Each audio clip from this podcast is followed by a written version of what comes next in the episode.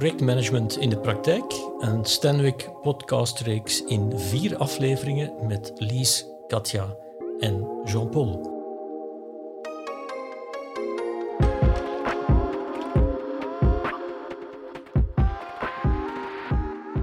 In deze eerste aflevering ga ik graag in dialoog met uh, mijn collega Katja. Um, en we gaan het hebben over wat nu eigenlijk een project is, wat projectmanagement is en wat de voornaamste rollen zijn in projectmanagement. Maar misschien eerst en vooral, Katja, um, wat trekt jou zo aan in projectmanagement? Wel, Jean-Paul, jij weet dat wel, maar de luisteraars natuurlijk niet. Ik ben psychologe van achtergrond en vaak krijg ik toch wel de reactie van goh, hoe ben jij dan in projectmanagement verzeild als psychologe? En wat ik er mooi aan vind, is dat projectmanagement een perfecte balans is tussen enerzijds een, laten we het een technische aanpak noemen, waarvoor je technische tools nodig hebt. En dan denk je aan projectplanning, projectrisicomanagement, projectbudgettering. Maar anderzijds is het toch ook wel een zeer mensgerichte aanpak. Het managen van stakeholders, het managen van verandering, het managen van een team. En eigenlijk als psycholoog brengt dat voor mij alles samen. zowel die technische als die mensgerichte benadering. Je zou zelfs kunnen zeggen dat er zo nog een managerial component in zit in heel het projectmanagementverhaal. Nu, anderzijds is er nog een tweede reden. Um, als psycholoog ben ik ooit gestart in echt wat wij noemen de soft skill training. En ik vond dat altijd heel moeilijk soms om trajecten aan een klant te verkopen. Want vraag vaak kreeg je de vraag, zo de return on investment, de ROI van zo'n opleidingstraject, hoe berekenen we dat? Ja, en dat was moeilijk om daar een antwoord op te geven. Maar op vandaag, als een klant mij vraagt van, goh, wat is nu de return on investment van een implementatie van projectmanagement? Ja, dat kan je gewoon hard maken. Je kan echt gaan aantonen, hoe gaan we ervoor zorgen dat jouw projecten meer op tijd worden opgeleverd, dat jouw projecten meer binnen budget worden opgeleverd. En je kan dat echt cijfermatig wel gaan aantonen dat zo'n traject rendeert. Klinkt zeer overtuigend, zou ik zeggen. En ja, we weten het. In Stanwick projectmanagement is hot vandaag. Krijgen er heel veel vragen over. Waarom, denk je? Wel, het is hot vandaag, maar als we heel eerlijk zijn, was het denk ik hot tien jaar geleden en zelfs stiekem twintig jaar geleden toen ik startte bij, Jean, bij Stanwick, Jean-Paul, weet je nog, dan is de eerste trajecten die we samen deden, waren ook al rond projectmanagement. Dus ik denk dat het eigenlijk altijd wel belangrijk geweest is. En heeft volgens mij te maken, als je kijkt naar een, een bedrijf, dan is projectmanagement natuurlijk zelden hun core business, maar toch cruciaal om hun doelstellingen te realiseren maar wil anderzijds ook zeggen dat een bedrijf nooit gaat aanwerven uh, specifiek voor projectmanagement competenties. Ze gaan vaak competenties aanwerven die bijdragen tot hun core business. Gaat dat over medicatie maken? Gaat dat over uh, snacks maken? Kan van alles zijn. Maar toch verwachten ze dan dat die mensen wel projecten gaan kunnen leiden. En dat is eigenlijk waardoor dat wij, denk ik dan, maximaal onze toegevoegde waarde kunnen bewijzen, omdat een bedrijf ons dan inhuurt om eigenlijk mensen één te ontwikkelen, competenties te laten ontwikkelen om die projecten goed te doen, maar ook het hele onderneming ondersteunen om die projecten uh, goed te doen en om eigenlijk hun missie, hun doelstellingen te realiseren. En dat is volgens mij waarom het vandaag hot is. Het is geen core voor een bedrijf, maar het helpt hen wel om hun doelstellingen te bereiken op een efficiënte en effectieve manier. Oké, dankjewel. Laat ons dan maar gelijk ook induiken. Hè. Het woord project, projectmanagement, alles lijkt vandaag wel ja, projecten te zijn. Um, maar wat is eigenlijk een project of, of, of wat is het net niet?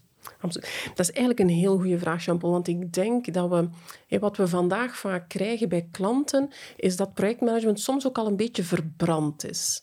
En het wordt dan genoemd, het, is, het is projectmanagement, als veel administratie en ik moet al die documenten invullen. En een projectleider ziet toch wel af en toe de toegevoegde waarde niet meer. En voor ons als Stenwick is dat een heel belangrijk signaal dat ze projectmanagement als aanpak op, op dingen gebruiken die geen projecten zijn. Dus vaak gaan we met een klant toch heel goed doorpraten van oké, als je projectmanagement echt als aanpak wilt positioneren, waar gebruik je het dan voor? Het moet echt de projectleider helpen om, om de complexiteit van het project te ontrafelen. Dus je gaat het typisch gebruiken voor een initiatief waarbij je aan de start eigenlijk zegt, als bedrijf, we weten nog niet hoe we dit moeten aanpakken. We hebben dit eigenlijk bijna nog nooit gedaan. Dit is uniek voor ons. Dit is complex. We zien niet onmiddellijk hoe we het gaan aanpakken. Wel, dat is de noemer van een project. Dan is het echt projectmanagement dat aangewezen is. En dan moet die projectleider echt het gevoel hebben dat de aanpak en de verschillende stappen daarin hem helpt in, in helder krijgen wat moet ik opleveren, wanneer moet ik het opleveren, hoe ga ik daar geraken, hoe betrek ik de rest van de organisatie. Dat is echt wanneer we van een project praten. Ja, ik hoor twee belangrijke criteria. Het moet uniek zijn. Het is iets wat we voor de allereerste keer doen, vaak. Um, complex. Complex zowel qua inhoud, maar ook complex qua stakeholder-omgeving. Ja, dus je hebt te maken met verschillende afdelingen, um, misschien met externe uh, leveranciers, uh, externe klanten. Dus die complexiteit die gaat zeker ook meespelen. Absoluut, ja. En eh, alignering, eh, dat woord dat vaak gebruikt wordt, maar inderdaad, als je het gevoel hebt, er is alignering nodig, hier zijn verschillende visies binnen het bedrijf op waar moet dit project naartoe en wat moet het straks gaan opleveren, dan is dat inderdaad uh, project. Daarnaast, um, het is een mensding, als ik dat mag zeggen, projecten. Dus we hebben te maken met verschillende hoofdrolspelers. Laat ons daar misschien even op inzoomen. En ja, ik denk dan in eerste instantie natuurlijk aan ja, wie leidt zo'n project. En dan komen we bij de projectleider. Kan je daar iets over zeggen? En, en je zegt het zelf, bij Stenwick noemen we het heel graag een projectleider. Vaak hoor je ook projectmanager. Maar wij hebben toch het gevoel dat ook dat, dat leiderschap van mensen, terug van stakeholders, dat dat een kerncompetentie is. En vandaag dat, dat in Nederland dat we die luxe hebben om het een projectleider te noemen. Ik weet, toen ik bij Stenwick startte, um, hadden we zo het, plaatje van, en ik noemde dat de projectleider als superman of supervrouw. Want hij moest enerzijds vaak toch een stukje um, technisch-inhoudelijke kennis hebben over het project om een stukje ja, credibiliteit te krijgen binnen het bedrijf. Anderzijds moest hij ook een aantal meer managerial uh, capaciteiten in zich hebben. En dan bij voorkeur toch ook nog wel wat meer echt mensgerichte uh, eigenschappen. En toen dacht ik, ja, dat is echt een, een superman of een supervrouw en die bestaat jammer genoeg niet. Nu, vandaag denk ik dat we dat al wat genuanceerd hebben um, en dat we zeggen, je moet ook kijken naar het soort project dat die persoon moet gaan leiden.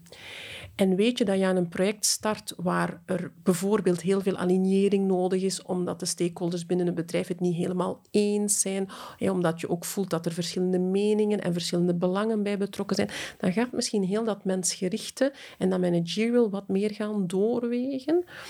Maar omgekeerd zien we ook projecten die een project genoemd worden omdat er een, een best een pittig budget aangekoppeld is waardoor men dit toch ook wel van nabij wil managen, wil opvolgen, ja, dan zie je dat je ook weer terug meer dat managerial, maar dan meer dat technisch-inhoudelijke gaat benadrukken.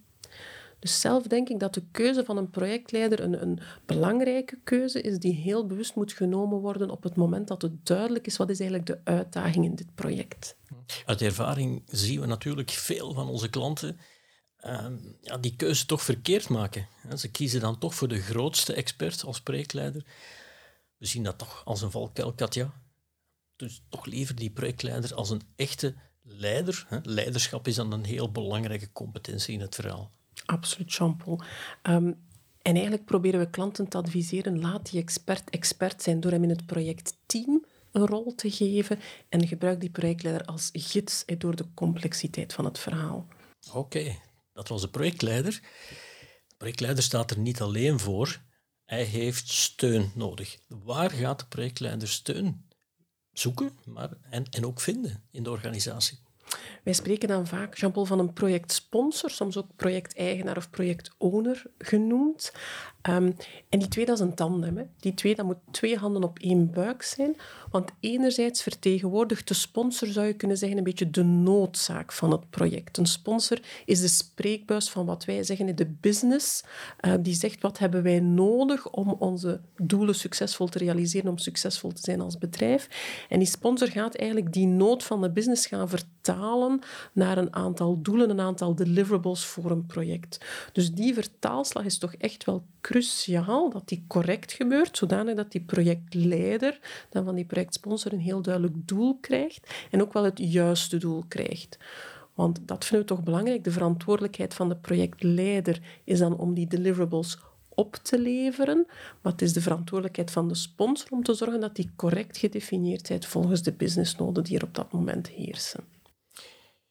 Sponsor, dan denken wij heel vaak aan financiële aspecten. Maar misschien kan ik ook nog wel toevoegen dat wij met sponsorship ook wel bedoelen dat de projectsponsor zich ook emotioneel en mentaal verbindt met het project en dat hij ook echt de projectleider gaat coachen doorheen de ganse projectlevenscyclus. Ja.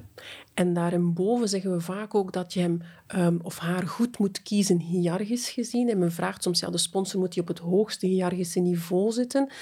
Nee, want dan is die vaak onvoldoende beschikbaar. Een sponsor is eigenlijk op het juiste hiërarchisch niveau, wat wil zeggen, hij kan het project verdedigen of zij kan het project verdedigen naar boven toe, naar het senior management in een bedrijf, maar tegelijkertijd is hij of zij voldoende beschikbaar om ook echt dat projectteam een stukje te steunen, de projectleider te coachen, zoals je net zei, Jean-Paul. En nog afsluitend, ik vond die metafoor heel mooi die je gebruikte, de tandem. Ik zie de projectleider vooraan zitten op die tandem de projectsponsor zit achter hem of haar en die trapt mee. Die sponsor die geeft extra power aan het project en die gaat af en toe in de projectleider zijn of haar oor fluisteren van ga even sneller, ga even trager, sla nu af naar links of rechts. Maar het is uiteindelijk de projectleider die de weg kiest en eigenlijk het zicht heeft op de projectuitvoering. Wat een prachtige metafoor, Jean-Paul. En het doet mij ook wel denken, als je die tandem echt vlot wil laten rijden. En als je nu wil zorgen dat er ook niet te veel conflicten op komen, want zo samen op die tandem, dat is ook wel best spannend, en dan maken wij gebruik van wat wij noemen een, een sociaal contract. Dat is eigenlijk een concept dat we uh, stiekem een beetje gestolen hebben uit het boek Projectmatig Creëren van uh, Jo Bos en Ernst Harnting. Maar wat ik er zo mooi aan vind, is een sociaal contract. Typisch gaan een projectleider en projectsponsor het, het vooral hebben over ja, wat moet er aan het einde van het project liggen? Wat is het budget? En hoe zorg ik ervoor dat ik op tijd oplever? Ze gaan heel sterk in de inhoud van het project duiken. Maar om die tandem succesvol te laten rijden, moet je het ook wel hebben. Ja, hoe gaan wij samenwerken tijdens die rit? Hoe gaan we elkaar status-updates geven? Hoe gaan we elkaar feedback geven als de ene niet hard genoeg trapt, bijvoorbeeld? En dat is eigen aan dat sociaal contract, dat je ook echt goede afspraken gaat maken over de samenwerking tussen projectleider en projectsponsor gedurende het project. Dan komen we bij de definitie van het project. In mijn ogen begint een project altijd als een heel grote grijze wolk, um, waar het toch allemaal niet zo duidelijk is wat gaan we opleveren, wie gaat meespelen in het project, uh, welke middelen hebben we nodig. Dus ja, hoe pakken we dat aan? Hoe starten we ermee? Ja.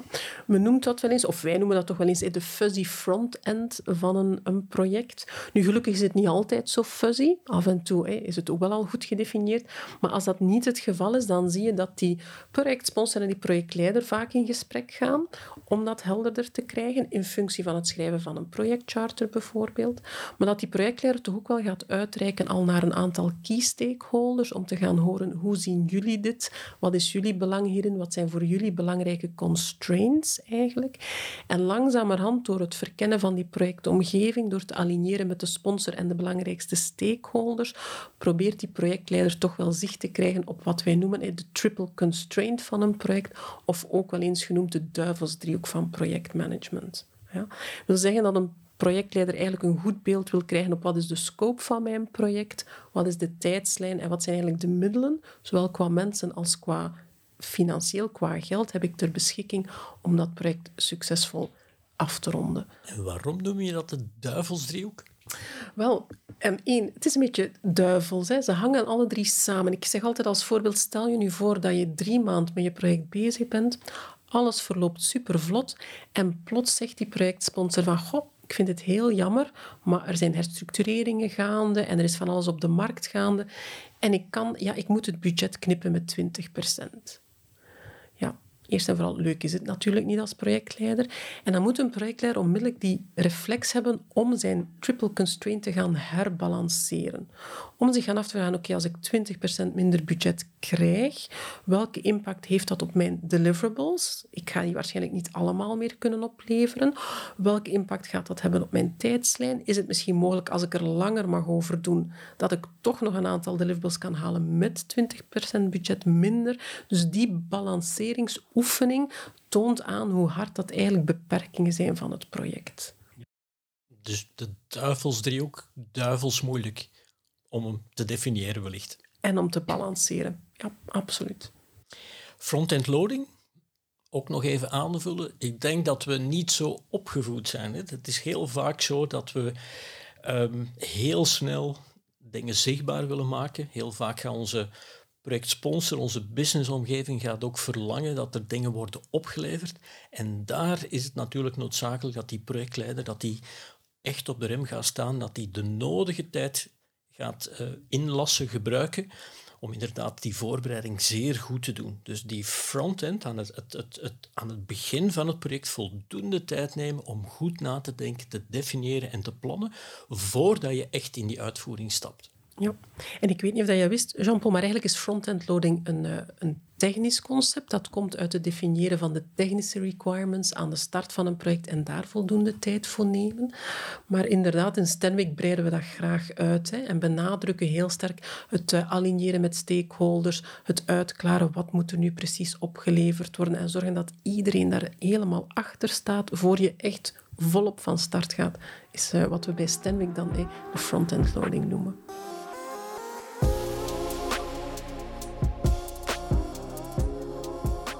Je het had over de triple constraints, dan sprak je over um, stakeholders, belanghebbenden in het project, die ook samen met de projectsponsor gaan definiëren van wat wordt er nu eigenlijk verlangd, wat het project gaat opleveren.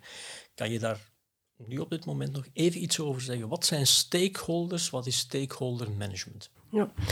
Wij noemen het wel eens eh, de hete aardappel hè, op vlak van human dynamics in een, in een project. Um, op papier zijn stakeholders belanghebbenden in het project. En dan vraagt er natuurlijk altijd iemand, ja, maar een belanghebbende, wat is dat nu? Belang hebben in een project. Ja, en dan kom je al snel tot de conclusie dat dat iedereen is direct betrokken bij het project, maar zelfs de indirect betrokkenen zijn eigenlijk ook stakeholders. Ze hebben misschien maar een klein belang, maar dat hoort er ook bij. En binnen Stenwick hebben we daar natuurlijk een proces voor om stakeholders te identificeren en ook te prioritiseren. We praten daarbij graag naast het belang ook over invloed die stakeholders hebben op een project en betrokkenheid die ze hebben bij een project. Maar ondanks het feit, als je dat proces gebruikt, als je die heel mooi in kaart brengt, een zeer sterk communicatieplan schrijft, dan komt het er toch ook op neer dat je tijdens dat project blijft connecteren met die betrokken partijen. Sommigen worden belangrijker naarmate het project vordert, andere faseren een beetje uit. En dat je echt voeling blijft houden met waar liggen die mensen wakker van, um, hoe vaak moet ik met hen communiceren? Hoe pik ik hun bezorgdheden op? het is dus een proces en een aantal tools, maar het is toch ook wel een, een vaardigheid om, om stakeholders te managen. De projectleider, de projectsponsor, stakeholders. Er is natuurlijk nog een heel, heel belangrijke groep. Dat zijn de teamleden. Maar ik stel voor dat we de teamleden, dat we daar wat dieper gaan op inzoomen tijdens de tweede aflevering van onze podcastreeks. En dat brengt ons eigenlijk tot het einde. Uh, misschien nog even samenvatten. Ik vroeg me inderdaad wel af, Jean-Paul, wat jij nu meeneemt uit heel dit verhaal. Enkele zaken niet alle initiatieven zijn noodzakelijk een project. We kijken echt wel naar hè, wat is uniek, wat is complex. En pas dan gaan we die ja, toch, toch zware projectmanagementmethodiek gaan gebruiken. Dat is één. Twee, ehm, ga voor de projectleider niet noodzakelijk op zoek naar de grootste expert. Creëer draagvlak voor je project in de organisatie. En daarvoor kijken we in eerste instantie naar de projectsponsor en naar een reeks van stakeholders. Projectmanagement is zeker ook een geïntegreerde methodiek, waarbij je kijkt naar managerial aspecten. We kijken naar uiteraard de technische inhoud van het project, maar dan is er toch die heel belangrijke component die we in Stanwick zeer belangrijk vinden, en dat is de gedragsmatige component. Hè. Projectwerk is, is een mensending. En als laatste, um, zeker ook onder tijdsdruk, ga toch met zorg om rond die front-end loading. Neem voldoende tijd, breng dat geduld op om je project goed te definiëren, goed in kaart te brengen, de juiste mensen aan boord uh, te krijgen en dan van start te gaan. Dit was een Stanwick podcast. Wil je dit gaan toepassen in jouw bedrijf? Contacteer ons dan via onze website stanwick.be. Dankjewel.